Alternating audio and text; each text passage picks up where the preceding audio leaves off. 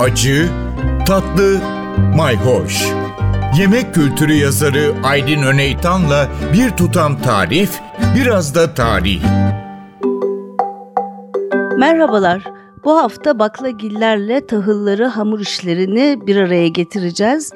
Bu ikili her zaman en doyurucu, neredeyse bütün ülkelerde rastladığımız bir birliktelik. Evet bizde kuru fasulye, pilav yemeği neredeyse milli yemeğimiz gibidir.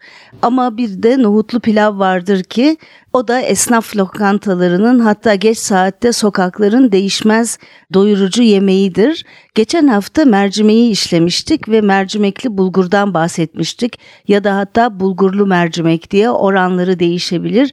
Üstüne bol bakır gibi kızdırılmış e, soğan da konunca inanılmaz güzel bir yemek olur. Kıbrıslıların en çok sevdiği müceddere yemeği. Ben geçenlerde gene bir araştırma kitabı okuyordum. E, bir zamanlar Gaziantep'te yaşayan Yahudilerle ilgili bir bölüm vardı ve müceddere yemeği onların da yemekleri arasında geçiyordu. Son derece ilginç aslında. Coğrafya her şeyi belirliyor aynı coğrafyadaki farklı insanlar da aynı yemekleri yiyor. Biz Anadolu'ya dönersek mercimekle başlamıştık, mercimekli bulgurla.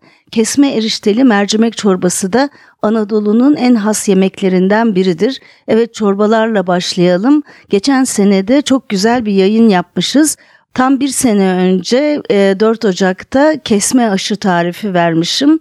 10 Ocak'ta ise İtalya'da barbunya fasulyesi ve minik e, düdük makarna ile yapılan pastaya fagioli tarifini vermişim. Amerika'ya kadar e, giden müzikleriyle birlikte pasta e fazul diye NTV Radyo web sitesinde eski podcast kayıtlarından dinleyebilirsiniz. Evet bu kesme erişteli mercimek çorbası Anadolu'nun en has yemeği. Bazı yörelerde kulak çorbası diye de geçer.